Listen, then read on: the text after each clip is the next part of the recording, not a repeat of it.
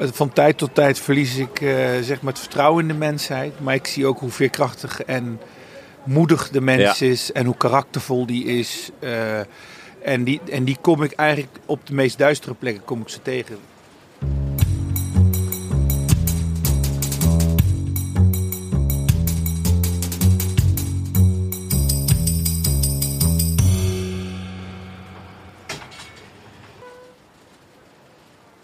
Welkom bij Zelfgesprekken over Vrijheid, een podcastserie van de Bali.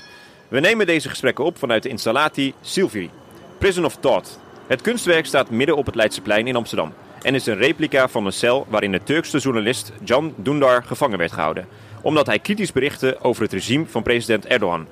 Om deze cel heen kunnen mensen het komende gesprek live afluisteren via een koptelefoon. Mijn naam is Mohamed Saya en ik ga in gesprek met Sinan Chan, journalist, programmamaker en een meesterlijke verhalenverteller. Welkom bij ons in de cel. Welkom, Mohamed. Ja, het woord vrijheid kent natuurlijk heel veel definities, verschillende definities. Maar wat betekent het voor jou persoonlijk? Uh, wat het voor mij persoonlijk betekent, ja.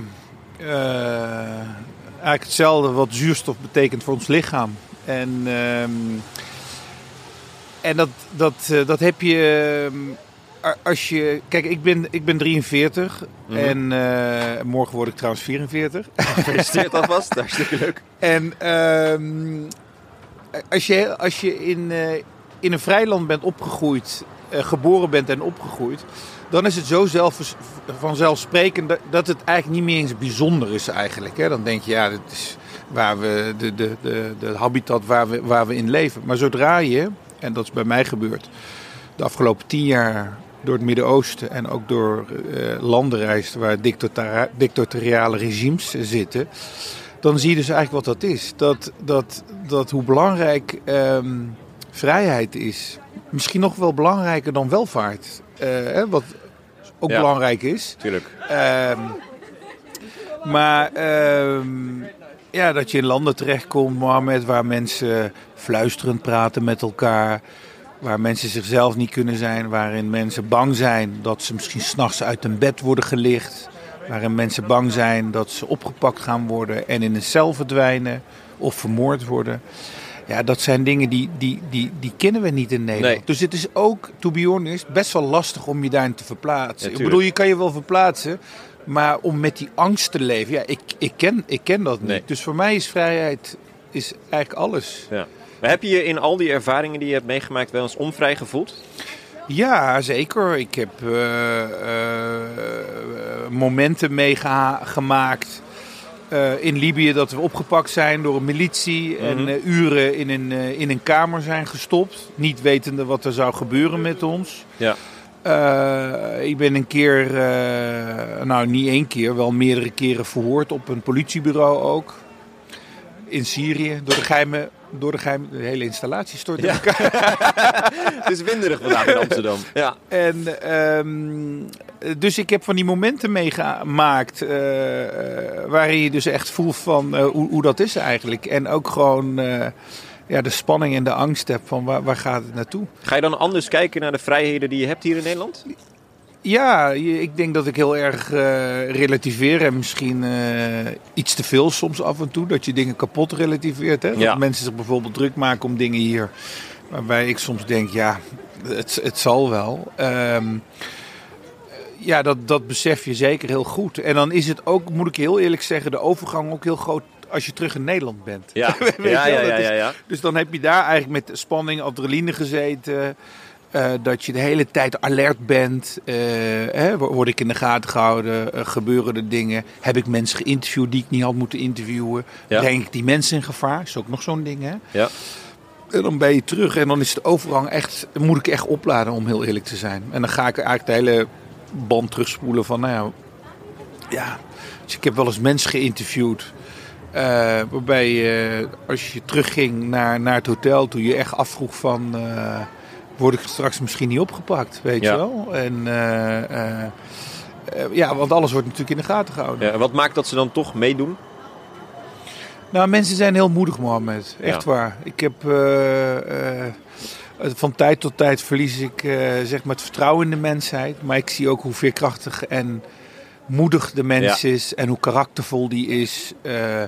En die, en die kom ik eigenlijk op de meest duistere plekken kom ik ze tegen. Dat ik denk, Jezus, dat, dat jij een interview durft te geven. Dat, dat ik in Saudi-Arabië was.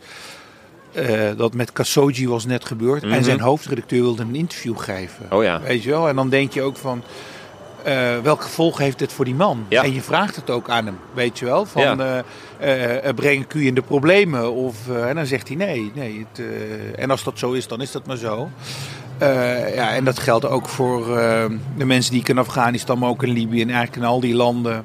Dat ik keer op keer eigenlijk mezelf een beetje schuldig voel, voelde van ik ga Mhm. terug en misschien breng ik jou in, in grote eh, gevaar. En dat die mensen zeiden, don't worry, weet Ja. je wel. Wij zitten hier midden in, in, de, in de strijd. En, Die eh, kennen het. die kennen het en die hebben ook wel, en dat vind ik misschien ook wel het mooiste wat ik daar heb meegemaakt, dat, dat mensen eh, strijden voor gelijkheid, maar ook voor waardigheid en voor, en voor vrijheid natuurlijk. En dat zij soms daarvoor eigenlijk eh, eh, een groot offer willen brengen. Ik Ja. bedoel, en een groot offer is gewoon je leven. Ik bedoel, wa- wat is er nou meer waard dan, dan, dan je, jouw eigen leven? En wat is er heiliger dan, dan een leven? En dat je denkt van nou, het maakt niet uit. Weet je wel, als, als dat leidt tot dat, dat anderen misschien iets meer vrijheid leven... eh, ja, dan, dan laat dat zo zijn. Ja. En eh, ja, dat zijn dingen die we niet kennen, man. Nee, ik bedoel, als je, nee, nee, nee.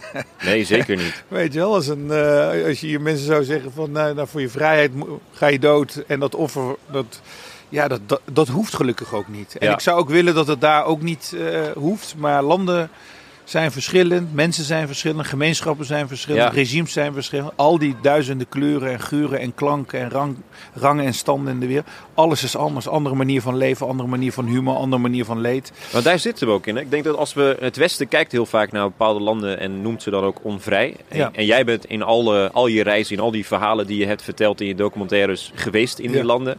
Ja. Maar is dat beeld dan ook terecht? Heb je dan ook echt het gevoel van ja, deze mensen leven onvrij? Even los van wat ik daar zelf van vind. Nou ja, kijk, je moet ook kijken naar, eh, naar, naar, eh, naar de omstandigheden en naar, naar eh, hoe zo'n land zich heeft ontwikkeld. Als we even heel simpel naar het Midden-Oosten kijken. Ja. En ik, we gaan, ik ga hier geen geschiedenisles geven. Nee. Dat is ook niet aan mij. Ik ben ook geen historicus. Ik ben maar een journalist en ook geen Midden-Oosten deskundige. Ehm, best lange periode eh, gehad van kolonialisme. Of dat nu eh, de Abbasiden was, of de Fatimiden, of de Ottomanen later. Eh, eh, veel later hebben we natuurlijk de Engelsen en de Fransen die daar eh, hebben gezeten, grotendeels. Ja.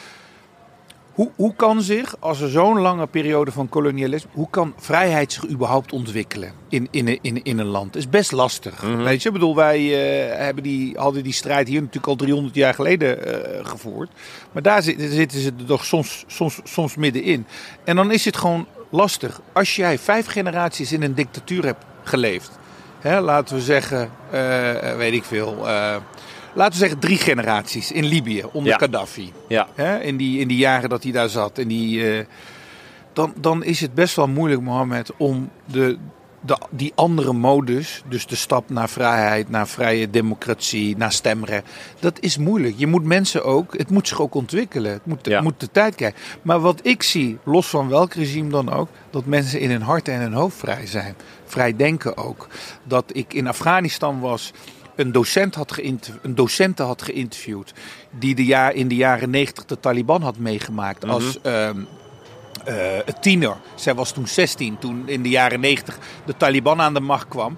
En zij zat op de middelbare school en dat ze naar, naar huis moest. Ze Ja. hoefde, mocht niet meer naar school toe. Eh, ze moest wachten op een huwelijkskandidaat. Ja. En, eh, maar de Taliban had gezegd: jullie mogen nog wel naai- en breilessen organiseren. Dus geen les meer, dat mag niet. Maar wel naaien en breien en huishoudelijke dingen. En toen Ja. heeft zij, deze docenten waarvan ik de naam niet kan noemen omdat ze nog in Afghanistan Mhm, zit, mhm. heeft toen met twee eh medescholieren, vriendinnen besloten van oké, dan gaan we een naai-cursus beginnen. Maar dat was dus eigenlijk een ondergrondse school. Kijk, Dus Ja. me- twee meiden van 15 en van 16 hadden besloten als verzetsdaad, jij kan ons wel naar school sturen, mhm. maar wij gaan een ondergrondse school beginnen.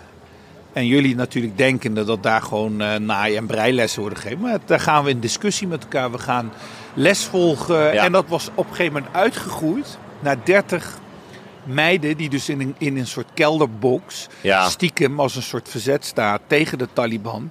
Eh, onderwijs genoten. En die verhalen, die zijn er. Die waren er toen, die zijn er nu ook. Let maar Mhm. op straks. En dat, is natuurlijk, dat zegt natuurlijk wel over hoe vrijheid in de hoofden en harten van mensen zit. Ja. Namelijk dat die, die is onbegrensd eigenlijk Nee. in je hoofd. Ja, en dat is wereldwijd zo. Ja, dat is echt zo. In ieder geval, dat is wat ik tegenkom. En ook toen ik in Saudi-Arabië was en de vrouwelijke activisten op werden gepakt. Dat die vrouwen ook door de barrière van angst gingen eigenlijk. Zij waren niet meer bang voor Mohammed bin Salman. Nee. Weet je wel? En, eh, en, eh, en dat er eraan een Saudische ehm, eh, politiecommissaris aan een van die vrouwen in de gevangenis had gehad: wat is vrijheid? En die had gezegd: dat begrijp je toch niet. Dat zit in mijn hart. En, en, en, en, en die, had, die zei al van ik leef al in vrijheid. Ik bedoel, ook al is het regime niet vrij en zijn de mensen niet vrij. Maar in Ja. mijn geest ben ik, ben ik vrij en handel ik ook zo. En ehm, ja, we weten dat die vrouwen gemarteld zijn in Ja. de gevangenis. Ja. En dat diezelfde kroonprins nog een journalist heeft vermoord. Mhm. Nu weer een voetbalclub heeft gekocht, Mohammed. Ja. In, eh, in Engeland, Newcastle United. Maar ja, zolang we de zaken meedoen is het allemaal prima, joh. Je, ik bedoel, eh, mensenrechten zijn is, eh, is belangrijk, maar niet heel belangrijk. Hoe- Kan nooit belangrijker zijn Ja. dan, eh, dan de economie. economie. En hoe pijnlijk is dat besef? Want je ziet natuurlijk dat het Westen dan sommige landen als onvrij eh, aanscherpt en ook aanstipt. Ja. En daar mensenrechten schendingen, van alles en nog wat. En dan toch, Ja, ja. Ik- toch die zaken doen. Ik, geef, ik geef je twee voorbeelden. Wij als eh, Westen, als NAVO, eh, zijn in 2001 hebben we Afghanistan aangevallen en in 2003 hebben we Irak aangevallen. Hè? Ja. We, hebben daar, we zijn daar voor een regime change gegaan. We wilden ook nog nation building, maar daarvan zegt Biden, nou daar, daarom waren we er eigenlijk niet. Nee. Maar we waren daar eigenlijk gewoon 20 jaar gewoon om eh, de kat uit de boom te kijken. Ja, 2001 Afghanistan. De Taliban eh, wordt omvergeworpen. En van bovenaf droppen wij Hamid Karzai. Er wordt niet aan Afghanen gevraagd. Wie willen jullie? Maar wij waren daar toch om, eh, eh, los van de Taliban, democratie te brengen, mensenrechten, Ja. dat mensen dat keuzevrijheid het hebben. idee. Maar waarom mochten die mensen hun leider niet kiezen? Hetzelfde hebben we in Irak gedaan. Saddam's regime was afgelopen, van bovenaf Maliki op dat land ge- gedropt. Waarom heb- hebben wij, als wij dan echt om vrijheid, om westerse waarden, hè, zoals ze die noemen, Mhm. om democratie. Waarom mocht de Irakees niet zijn eigen leider kiezen? Maar zijn we dan opeens bang voor democratie? En dan, kun je, en dan is de conclusie: ja, maar democratie en vrijheid is niet, democratie is niet geschikt voor, voor, voor dat land. Die mensen Ja. kunnen daar niet omgaan. Nee. Heb je het een eerlijke kans gegeven? Heb je überhaupt naar die mensen geluisterd? Dus als het jezelf uitkomt, dan, dan eh, vind je dat allemaal, allemaal, allemaal prima. Maar zodra je. Nou, misschien hadden die Afghanen ook. Misschien wel voor iemand anders gekozen. Ja. Nou, dat is dan hun, hun keuze toch? Ik bedoel, waar- waarom. eh, en, en, en wat je dus merkt, en dat vind ik dus het hypocriete. Als het om zaken gaan doet, is, is het allemaal prima. Dan, maakt het, dan kijken we even een beetje weg. Mhm. Eh, doen we aan st- stille diplomatie, hè? Want Ja. dat ziet toch niemand. Nee, hè? we zetten best wel druk hoor. Ja. Iran en, eh, en eh, Saudi-Arabië. Want niemand ziet het. Er gebeurt heel O- veel. ondertussen in de slipstream van de minister gaan al die zaken mensen mee. Baggerbedrijven, banken, weet ik, weet ik, weet ik, weet ik, weet ik, veel wat allemaal. En, eh, en symbolisch dan eh, spreek je een keer uit voor de mensenrechten. In, eh, in, in dat dat een constante aandachtspunt is. Mhm. En dat we in gesprek zijn met Saudische eh, autoriteit en stille diplomatie. Maar het gaat natuurlijk gewoon om business. Laten we gewoon eerlijk zijn. In die zin, bedoel, je kan alles van Trump vinden. Ik vond hem verschrikkelijk. Maar hij was in één ding heel eerlijk. Namelijk, hij zei: Ik geef niks om mensenrechten. Het gaat om geld. Ja. Amerika, America first. En America first is altijd first. Of dat nu met Biden of met Obama of met Reagan of met Clinton was. Het gaat altijd daarom. Ja, hij speelde het spel niet. Hij was daar eerlijk en open over. Nou ja, je kan Ja. alles vinden van hem. Ik Ja, bedoel, ja, ik vond hem ja, ook ja. verschrikkelijk. Maar hij Ja. was wel eerlijk. Ja. Hij- was, hij was een Saudi-Arabië om wapens te verkopen. Ja. En dat, eh, ja, dat van Khashoggi, ja, ja, jammer dan. Weet Ja. je wel. Zou je die westerse invloeding dan wel of niet moeten hebben in het, eh, in het Midden-Oosten bijvoorbeeld? Niet, niet zo op deze manier. Nee. Niet aan de ene kant ehm, eh, eh, eh, zaken doen dat alles daarop op gericht is. En aan de andere kant een soort eh, mensenrechtenkaart eh, gaan trekken. Mhm. Ik vind dat, dat, dat je daar principieel en ook rechtlijnig in, in mag zijn. Je kan best zeggen, wij gaan geen zaken doen eh, met dictatoriale regimes. Ja. Ik weet dat het dan lastig is, hè, Mohammed? Want kun je dan met China zaken doen?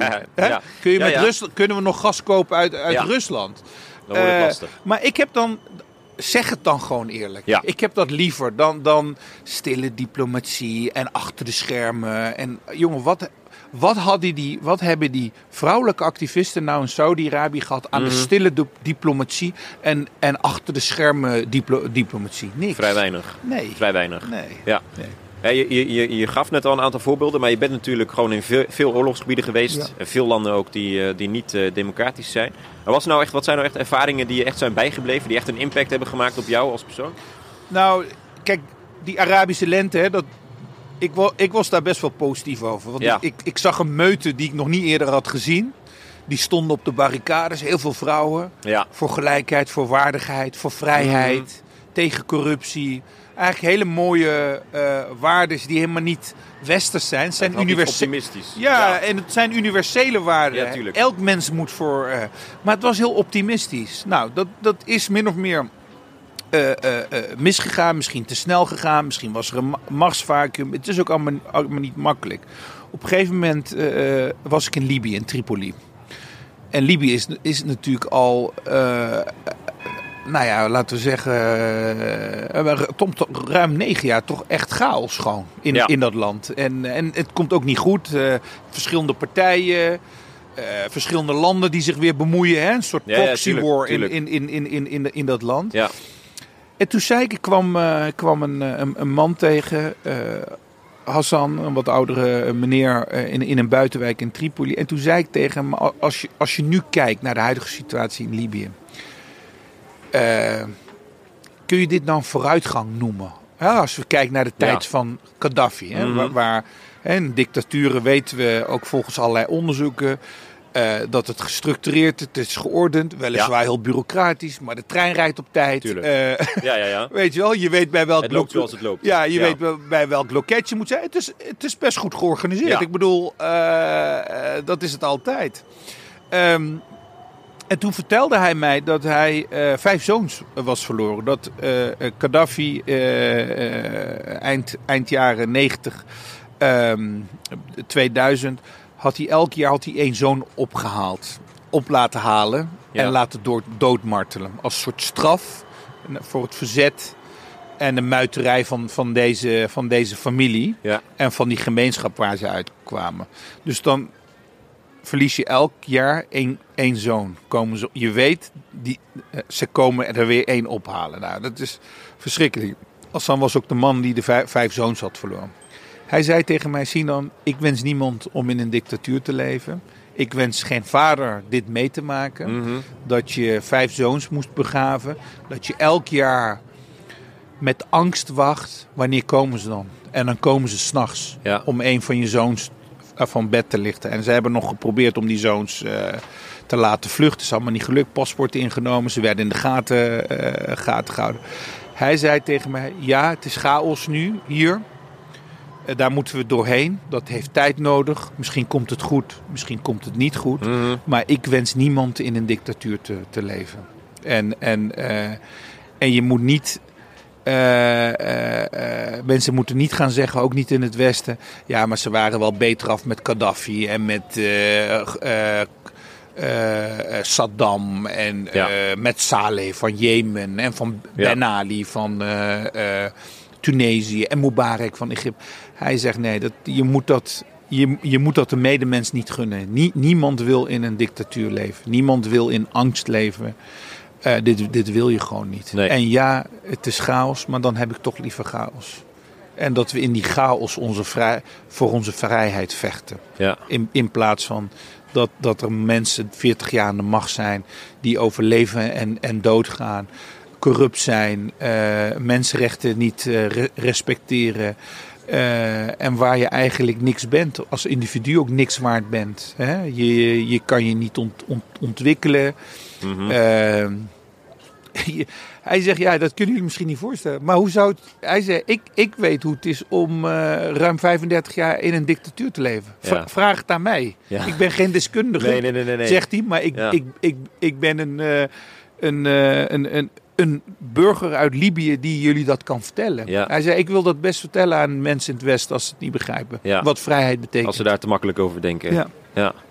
Het is natuurlijk een pijnlijk verhaal en ook confronterend, omdat je daar nooit eh, mee in Nee. aanraking komt. Dat zul je niet Nee. zo snel ervaren als je hier, eh, hier bent. En laten we heel eerlijk zeggen, dus een beetje zo langs de grachten hier, Ja. wijntje drinken en de wereld bezien, niks is heerlijker. Nee. Echt, ik vind dat ook lekker hoor, vanuit mijn Ja, bubbel. ja. En, eh, maar hoe is het als je daar leeft? Hoe, hoe is het als je daar moet vechten voor je vrijheid? Als je te maken hebt met corruptie, met angst, met een despoot die, die, die je kan oppakken zo, Ja. kan laten martelen. eh, eh, waar je geen waardigheid meer Nee. hebt, geen respect meer. En eh, ja, dat, dat is gewoon. ik moet heel erg denken aan de zoons van Saddam Hussein. Dat Ja. er Iraaks nationaal elftal had verloren tijdens voetbal. Dat, Ja. dat die gasten met stokken klappen kregen, ja, weet je wel. Ja, ja. En, Dat, is toch, dat is toch afschuwelijk. hoe, hoe, hoe, sta je dan op het veld als sporter? Dat je tuurlijk. denkt van, eh, als we, dan kun je toch ook al niet meer voetballen? Nee, nee, nee, je kan niks. Zou, zouden er meer mensen zich daar zorgen over moeten maken? Of zich daar druk over moeten maken dat er mensen zijn die niet onvrij, of die niet vrij leven? Ik denk zelf heel erg dat, dat we ons zeker daar druk over moeten maken. Ook omdat het verdriet van iemand eh, duizenden kilometer verderop is ook ons verdriet. En zijn haar vreugde is ook onze vreugde. Ja. En, en, eh, maar we moeten oprechter zijn, Mohammed. Echt. En, en of we moeten oprecht zijn als het gaat om mensenrechten en wat we daarvan vinden. En dat we onszelf een baken van licht vinden. Dan, dan, dan moeten wij daar ook iets mee. Maar Maar, je kan ja. niet half om half. Je kan niet en zaken doen met Saudi-Arabië. En dan ook nog gaan, gaan, gaan eh, eh, Ja. zogenaamd boos gaan doen over eh, vrouwen die daar vastzitten. Over een journalist die wordt vermoord. Over een gruwelijke oorlog in, in, in, in Jemen. Ja, dat kan niet. Dat past niet in mijn... eh, Als we zeggen oprecht, hebben we het dan over de individu, de samenleving, journalistiek, de politiek, de Politiek. overheid. Politiek, ik denk dat de individu eh, dat echt wel ziet. Ja. Eh, de individu die was bijvoorbeeld ook heel erg boos over de politiek. Hoe, hoe die evacuatie in Afghanistan Ja. is gegaan. Hè? Daar Ja. waren echt best wel veel burgers ook boos en schaamden zich ook. Ik heb echt Ja. met heel veel mensen gesproken. Mhm. Ik bedoel, ik ben geen opiniepeiler eh à la Maurice Nee. de Hond op één vandaag. Maar ik weet dat in mijn omgeving en in de Ja, omgeving tuurlijk. waar ik kwam. En ook in de opinies en noem maar op. Dat mensen echt wel eh, teleurgesteld en boos. En zich ook, ook, ook, ook schaamden. Eh, ik denk als politiek. En, en dat, is, dat is lastig. Want politiek is strategie en diploma, diplomatie. En is ook zaken doen. En hoe, hoe, hoe, hoe, hoe, Ja. hoe balanceer je eh, daarin? Nou, daar balanceer je in, denk ik, door, door in die zin principiëler te zijn. En, en, en, eh, ja, en stille diplomatie is leuk, maar vertel dan ook eerlijk wat het heeft opgeleverd. Hoe, hoe beoordeel, beoordeel je dan zo'n actie van het WK voetbal gaat plaatsvinden Ja. in Qatar bijvoorbeeld? Ja. Ehm, en dan, je ziet wat daar, nou ja goed, Ja. daar gebeurt ontzettend veel. Maar qua mensenrechten schendingen en de mensen die die stadions op moeten bouwen, zijn eigenlijk gewoon, ze worden menselijke slaven, als menselijke slaven behandeld. Ehm, en dan zie je dat de KNVB een actie doet met een t-shirt voor een wedstrijd. Ja. Eh, En hoe dan- zou je zoiets beoordelen dan? Nou, dan, dan eh, hebben we. eh, Zie je zoiets als een principiële actie van we staan hier nee, voor? dat is gewoon meer Ja. gewoon voor de bühne. En, en, en we, we, hebben, we hebben een signaal afgegeven. Ja, En volgend jaar gaan we dan natuurlijk lekker voetballen. En, en dan vergeten we even dat, dat er duizenden arbeiders dus zijn omgekomen tijdens de bouw. Eh, de, de FIFA wist dat al, Mhm. in het begin al. En dat zo'n organisatie dan niet zegt: hé hey, jongens, eh what's going on there? Weet Ja, je wel? ja, Hoe-. Wat, wat, wat is dit? Ja. En, en eh, dit, dit is niet waarop we willen dat jullie zoiets feestelijks wat een WK is, Mhm. dat op die manier organiseren. Maar ja, we hebben ook het WK in Rusland gehad. Ja. We hebben Olympische Spelen in China gehad. Ja. En eh, we laten toch ook niks als het om die Oeigoeren gaat. ja. Ik wil niet, je wil geen ruzie met China. nee, maar dan zijn er toch mensen, sportliefhebbers, die zeggen: ja, maar dit is sport. Het heeft niks met mensenrechten te maken, het is gewoon sport. We zijn daar gewoon om te spelen of om te sporten. Ik zou het gewoon echt mooi vinden, Mohamed, maar misschien komt dat nog. Als er bijvoorbeeld een voetballer van, van welk land dan ook zegt principieel: ik reis niet af. Ja. En dat maakt me niet uit, dan eh, mis ik een WK. Het, het, het, het, zal, het zal maar. Ik moet dan heel erg denken bij de Olympische Spelen. Ik weet niet meer hoe die sporter heette. Dat, dat, er een, dat die richting de finish ging. En, en daar was een andere sporter die was gevallen. Mhm. En dat die stopt en dat ze samen over die finish gaan. Ja. En dat ik dacht van ja, weet je, voor mij is dat een miljoen keer meer waard dan die gouden medaille die je gaat winnen. Sport is sport. En, eh, en medemenselijkheid, humaniteit is toch het belangrijkste. En ik, ik zou het echt mooi vinden. Ik zou het fantastisch vinden als er gewoon een voetballer op staat. Liefst de grote. Ja, Die dan zegt, ik ga gewoon niet, weet je. Ja. Ik eh, blijf thuis. Ja. Ik ga niet naar een WK toe waar duizenden... En dan, en dan geef je ook een signaal. Want als je de volgende keer aan een ander land een, een, een, eh, een, een WK toewijst... ga je dus wel naar dingen kijken. Ja. Ik vind dat je sowieso naar mensenrechten en dat soort dingen moet kijken... als je iets toewijst aan een Mhm. land. Ik bedoel, het moet een criterium zijn gewoon. Tuurlijk. Zo'n vast criterium, weet je wel. Van, eh, omdat het altijd meer is dan alleen het sporten. Ja, Ja, ja dat is ook zo. Ja. We kijken, eh, je, hebt, je hebt het vaker gezegd en ik, had, ik heb het ook wel eens gehoord, eh, dat je dan zegt, je weet pas wat vrijheid is als je in, in onvrijheid hebt, eh, Ja. hebt geleefd. En daar moet ik dan ook heel vaak aan denken als we daar in Nederland te makkelijk over denken. Of als je weer eens berichten ziet van mensen die tegenover een AZC staan ja. en zeggen, nou, jullie horen hier niet of jullie moeten terug. En ik moet daar iedere keer bij aan denken. En dan denk ik, ja, maar nemen we het dan allemaal voor lief? Is het dan echt een te ver van ons bed? Zo kunnen we ons gewoon niet verplaatsen in de ander? Of speelt daar dan wat meer achter? Ik denk dat, er, eh, dat het meer achter zit. Aan de ene kant dat mensen gewoon eh, toch ook de laatste jaar best wel gefrustreerd zijn over, over dingen. eh, zich niet gehoord voelen. Ja, Dat zien we ook in die hele corona-dingen. want achter dat, die harskamp Ja. zit, zit ook gewoon Tuurlijk. zit dat Tuurlijk. ook. Je kan, Ja. je, je kan niet zeggen nee, dat heeft niks daarmee te maken. Deels. En ik denk wat ook wel speelt, Mohammed, is dat het wel ver van mijn bedshow is. Wij kennen natuurlijk de, de oorlog en onvrijheid uit films en, Mhm. en, en boeken. Hè? Ik bedoel, dat ligt nu al eh, 76 jaar achter ons. Ja. En, en hoeveel mensen kunnen daar nou nog over meepraten? Los van mensen die hoog, hoog bejaard, be- bejaard zijn. ja, Eh, en we gaan natuurlijk ook niet naar dat soort landen op vakantie. Want Nee. we gaan naar Lorra de Mar of weet ik veel. eh, Griekse eilanden of de Turkse Riviera. eh, of naar Italië. Het is echt ver van mijn bedshow. En het is natuurlijk ook gewoon een, een, een minuut-item op het journaal. Ja. Ik bedoel, Ja, tuurlijk. en, ehm, en, en dan snap je ook niet... En dat is wat ik wel heb geprobeerd bij het maken van, van de documentaires door bijvoorbeeld eh, naar Aleppo te gaan, om, om mensen ook tot die inzicht te laten komen van dit is de plek waar ze uit vluchten. Kijk eens naar deze land. Kan een Mhm. mens hier leven? Heb Ja. je hier nog, nog een toekomst? En dan heb je, dan heb je, dus, dan heb je dus de oorlog meegemaakt in zijn volle hevigheid. ja, Dan val je in handen van mensensmokkelaars, Mohammed. Ga je een helse tocht maken, Ja, ja, ja, hopende ja. dat je niet op de bodem van de Middellandse Zee geraakt. Dan kom je aan, kom je misschien in een kamp, zit je in een kamp à la Moria, hè, waar, Ja. waar het eh, slecht is. Probeer je leefomstandigheden zijn niet goed. Als je dat allemaal optelt, Ja, ik heb echt serieus, en volgens mij heeft eh, eh, Peter R. de Vries dat ook al een paar keer gezegd. Ik heb echt respect voor die mensen. Mhm. Voor de veerkracht van ze, dat je nog functioneert Ja. überhaupt. ja, Echt waar. En, en nog zo vol in het leven staat. En ja, het is. Liefst zou je natuurlijk al die mensen willen meenemen naar die plekken. Hè? Ja, van, dat van, ze het allemaal zien. van kom eens, ga, eens- ga eens kijken. Zullen we even een wandeling maken door Aleppo? Kan een mens hier wonen, überhaupt? Wat zou jij doen hè, als jij. eh, eh, maar het is, het is te, te ver van mijn bed en we zijn er ook niet, niet in geïnteresseerd. We zijn in die zin, als het om eh, individualisme gaat, ook wel heel erg navelstarig en naar onszelf. En Ja. onze eigen leefomgeving moet vooral leuk en gezellig zijn. Hè? Ja, ja De zeker. rest is shit van de rest. Hè? Ja. Ik bedoel, eh, dat is niet ons probleem. Nee. Heb je het gevoel dat je met de verhalen die je wel vertelt, dat je daar ook die groep mee bereikt?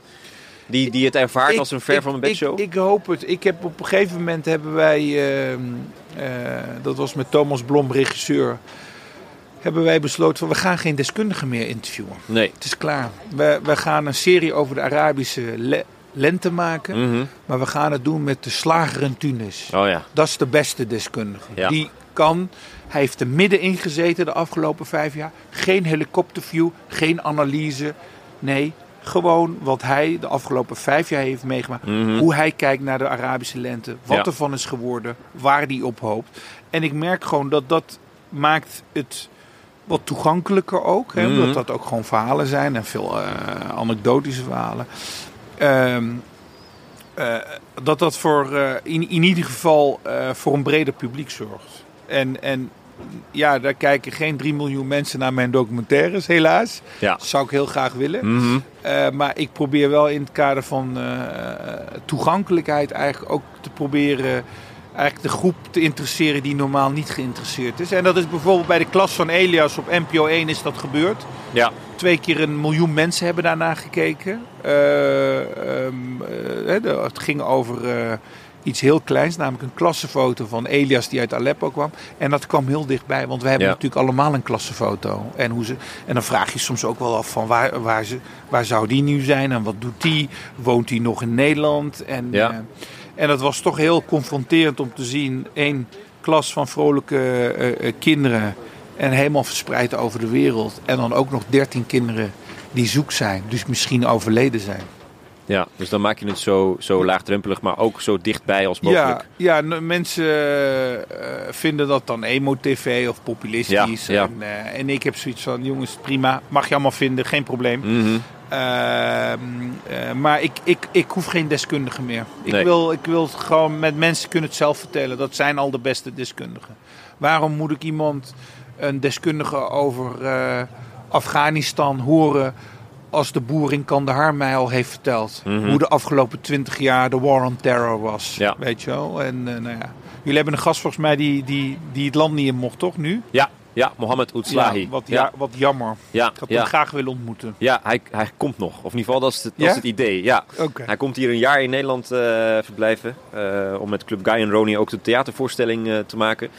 Hij heeft natuurlijk 14 jaar lang in eh, Guantanamo Bay eh, gezeten. Ja. En we hopen dat hij zo snel mogelijk toch toegelaten wordt. Ja, Eh, maar het. IND houdt dat, nog, eh, houdt dat nog tegen. Ja. Ja, het is ook zeer bijzonder. Maar het zijn dan ook echt die persoonlijke verhalen die je, die je weet te raken en die je weet te trekken. Ja. Ja. En die, dat En zijn die niet- mij ook raken. Ja. Hè? Ik bedoel, als, als ik in Kandahar ben Ja. en ik ontmoet een man die 12 jaar ook in Guantanamo Bay Ja. onterecht heeft vastgezeten. Een, een, een arme winkelier Ja, die helemaal niks te maken had met... eh, nee. En, en, en, en weet je Mohammed, als we dan vanuit het perspectief van die man kijken. Hè? Je, je bent dus zijn land ingetrokken, Afghanistan. Eh, in het kader van 9-11. Ja. Bin Laden is geen Afghaan. Woonde wel in Afghanistan, maar was er al lang, Ja. tussen, was er al lang tussenuit. Mhm. Vervolgens heb je, ben je gekomen met het installeren van vrijheden en democratie. En dan pak je zo'n man op. En die stop je 12 jaar in de gevangenis. Terwijl ze in de eerste jaren wisten ze eigenlijk al, hij is onschuldig. Dat Ja. wisten ze al. Ja. En dat je hem dan. Hoe, hoe zijn kijk dan, denk je? Op, op de westerse verlichte waarden, democratie, vrijheid. Nou, ik kan je zeggen dat die niet heel positief zijn. En dat is ook niet heel raar. Nee. Hij zegt ook van, maar jullie waren toch voor mensenrechten? Mhm. Waarom ben ik nooit berecht? Ja. Waarom heb ik nooit gehoord wat, wat er tegen mij... Hij is dus jaren later pas achtergekomen. Ja, het is bijna lachwekkend. Ze hebben hem opgepakt omdat ze dachten dat hij een hoge Taliban Oh, eh, ja. eh, was. Kwamen ze erachter dat hij het niet was. Mhm. En toen hebben ze gekeken van ja, we moeten dit toch echt linksom rechts... moeten we dit voor onszelf recht bij... Toen hebben ze, is er één anonieme bron geweest, één, Ja. één, die heeft gezegd dat hij in zijn tuin Ja. Twee tanks had. Oh. En hij heeft toen gezegd: Als jullie nou teruggaan naar Kandahar, naar het dorp waar ik vandaan kom. Ja. Als in mijn tuin, achtertuin, één tank past, Mhm. ga ik alle beschuldigingen tekenen. Ja. Ga ik nu, zet er een krul onder. Ja. Eén, hè? Niet twee. Ja, ja, ja. Eén. ja. Hebben ze niet gedaan. Nee. En hebben hem twaalf jaar vastgezet. Totdat er een Joodse-Amerikaanse advocaat was, Leonard Goodman. Mhm. Die zijn dossier zag en dacht, maar dit kan niet. Als je in de rechtsstaat gelooft, als je in rechtvaardigheid gelooft, als je in democratie gelooft. Hij heeft een brief naar Obama geschreven van is dit de Amerika die jij ons hebt beloofd? En, eh, en uiteindelijk heeft hij dus voor een man die hij niet kende Ja. 70.000 dollar eigen geld ingestoken. Kijk. Vrienden, familie, allemaal boos op hem. Hij probeerde een terrorist uit Guantanamo Bay vrij te krijgen. Maar hij zei hij is echt onschuldig. Ja. Ik geloof dat hij Dat onschuldig is toch onvoorstelbaar. De kracht van de mens, hoe mooi die ook kan hè? zijn. En ja. ook, ook mooi. En wat, wat ik dan heel mooi vind, zo'n man die die dus niet kent. Ja, En dan met ook nog, ik bedoel niet dat dat heel belangrijk is, met zijn Joodse achtergrond. ja tuurlijk. Weet ja. je wel? Ja, En, en het is heel mooi, want eh, Shawali, zo heet die man, die zei van dat, het, dat hij die achtergrond wel bijzonder vond. Dat hij e- eigenlijk extra was, was geraakt. Hè, omdat er natuurlijk ook gewoon eh, eh, niet altijd heel erg met veel Spanningen. sympathie hè, Ja, ja, ja. Door, door de Palestijnse. Israëli's. Hè. religieuze spanning. En, maar Leonard Goodman, dat is de mooiste ziel die er is, zei hij. En eh, ik bid elke dag voor, voor zijn gezondheid. ja, ja. Heb je nog wel eens contact met mensen die je daarna, als je ze hebt geïnterviewd... Nou, zo'n Shawali bijvoorbeeld Ja. zou ik heel graag bellen Ja, nu. ja, van hoe gaat het met je? Heeft geen telefoon. Nee, Zit, in, nee. zit in een dorp in, in buiten, Oh, ja. buitenkant, buiten Kandahar. Ik Ja. zou echt heel graag willen weten hoe, hoe, het- hoe het met hem gaat. Mhm. Met Hassan uit, eh, uit eh, Libië ook. Eh, maar ook met heel veel kinderen die ik heb achtergelaten. In allerlei kampen en zo. Ja, ik heb wel eens van tijd tot tijd vraag ik me dat nou, hoe, hoe gaat het dan met die mensen? Leven ze nog? Ja, ja. Hoe gaat het met die kinderen? Is, het, is het uiteindelijk goed gekomen? En met sommigen nog, nog, nog wel. Dus er zijn in Afghanistan een aantal mensen die ik heb geïnterviewd, Ja. die, waar ik nog contact mee heb. Maar ik had graag met Shawali, met de man die 12 Ja, in Guantanamo. ja. Ik had daar, ja, het was ook echt een mooie. ehm, dat, dat, je, dat je dit meemaakt en, en dat je ziel dan nog geen donkere randje heeft. Weet je dat je niet vol van haat en nijd zit. Ja, Maar hij heeft ergens ook wel weer, los dat hij boos is, Amer- Mm. ook wel weer begrip. En hij vindt het ook heel erg dat in, op 9-11 3000 onschuldige mensen zijn omgekomen. Weet Ja. je, hij zegt, ik vind dat, ik vind dat ook verdrietig. dat is knap. Dat is Ja. knap dat iemand dat... Ik kan, me, ik kan me daar echt niet in verplaatsen in Ja. de... 12 jaar, hè, dan stoppen ze je in een precies, hol en dan gaan ze je vernederen. Dat Ze, is echt... ze verkrachten je, ze doen allerlei dingen met je. Ze, ze, ze, en, en, en, en, en dat je dan dat... Ja, ik had eh, om eh, nog één verhaal te noemen. Noor, die had ik geïnterviewd in Kandahar. Ja. Daarvan hadden de Amerikanen per ongeluk het huis gebombardeerd. Zijn huis. En, Gebombardeerd. ja, Ja. een afgezwaaide Ja. Drie, zo, drie broers dood. En eh, winkel, huis, alles was weg. Zijn baan, Ja. alles. Gewoon in één dag ben je je hele leven verloren. Heb je ook, moet je ook nog voor de kinderen van je broers zorgen in grote, grote armoede. Normaal zou je denken, die man die zit vol van haat. En, en, en, eh, maar ik heb nog nooit zo- zo'n zo'n waardig mens gezien eigenlijk. Op die manier. Dat hij zei, de, de oorlog, oorlog is voor, voor wilde, voor dieren. Ja, De oorlog van de mens is fijnzinnigheid. Is debat, is discussie. ja.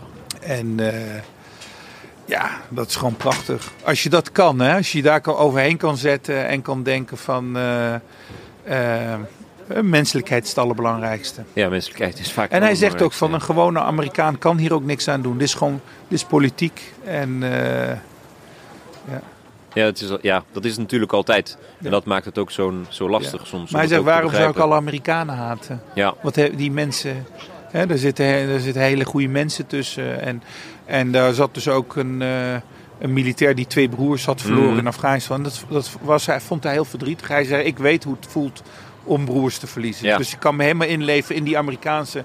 Ja, ik vind het prachtig. Ja, Ja. Dat, vind ik dus, dat zijn de dingen die mij echt ontroeren. ja dat je Dat ik denk voor dat- elkaar hebt. Ja, en zo groots ook. En, en met zoveel eh, verdriet je menselijkheid niet bent verloren. Dat Ja. je ziel geen donker randje heeft gekregen. Ja.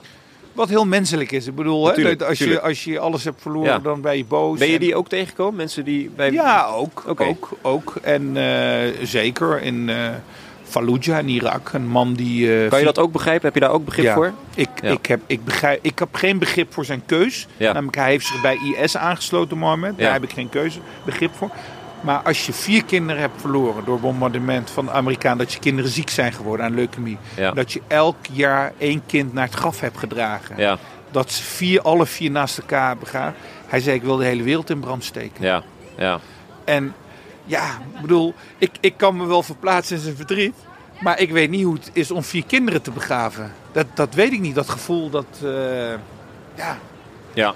Da- daar kun je ook bijna niet in Nee, nee, verplaatsen. nee, nee, dat, is ook zo lastig. Het is alleen het verhaal alleen al doet, Ja. doet zoveel met je, ook Ja. emotioneel. Ja. Dat je het probeert, maar het is gewoon super ingewikkeld. We gaan eh, richting een afronding. Ja. Dan doen we dat met, ook nog met een laatste vraag.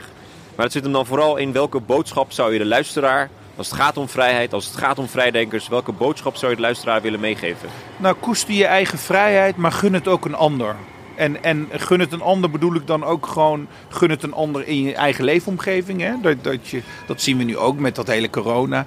Eh, eh, wat je er ook van vindt, eh, laat mensen ook gewoon hun, hun, hun mening uitspreken. Maar gun de vrijheid ook in een, in een ander land. Dus ik vind dat als wij als vrije Westen, wat ik sowieso een heel lelijk woord vind, vrije Westen. Ja, Ehm, eh, omdat we ons, wij moeten ons wel extra inspannen. Ja. Ja, als wij vinden dat wij een lichtend, lichtend baken zijn en het voorbeeld in de wereld, dan laten we die, dat voorbeeld dan ook echt zijn. In alles. Ja. Hè? In mensenrechten, in rechten voor vluchtelingen, in kinderrechten.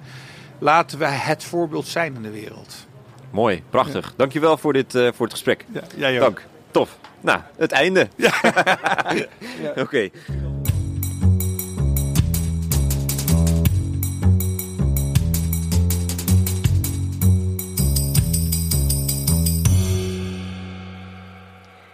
Je luisterde naar een celgesprek over vrijheid, onderdeel van het Vrijdenkersfestival van de Bali. Al onze andere programmering, met onder andere Jan Doendar en Massi Alinejad, is online terug te zien via YouTube of onze website. Bedankt voor het luisteren.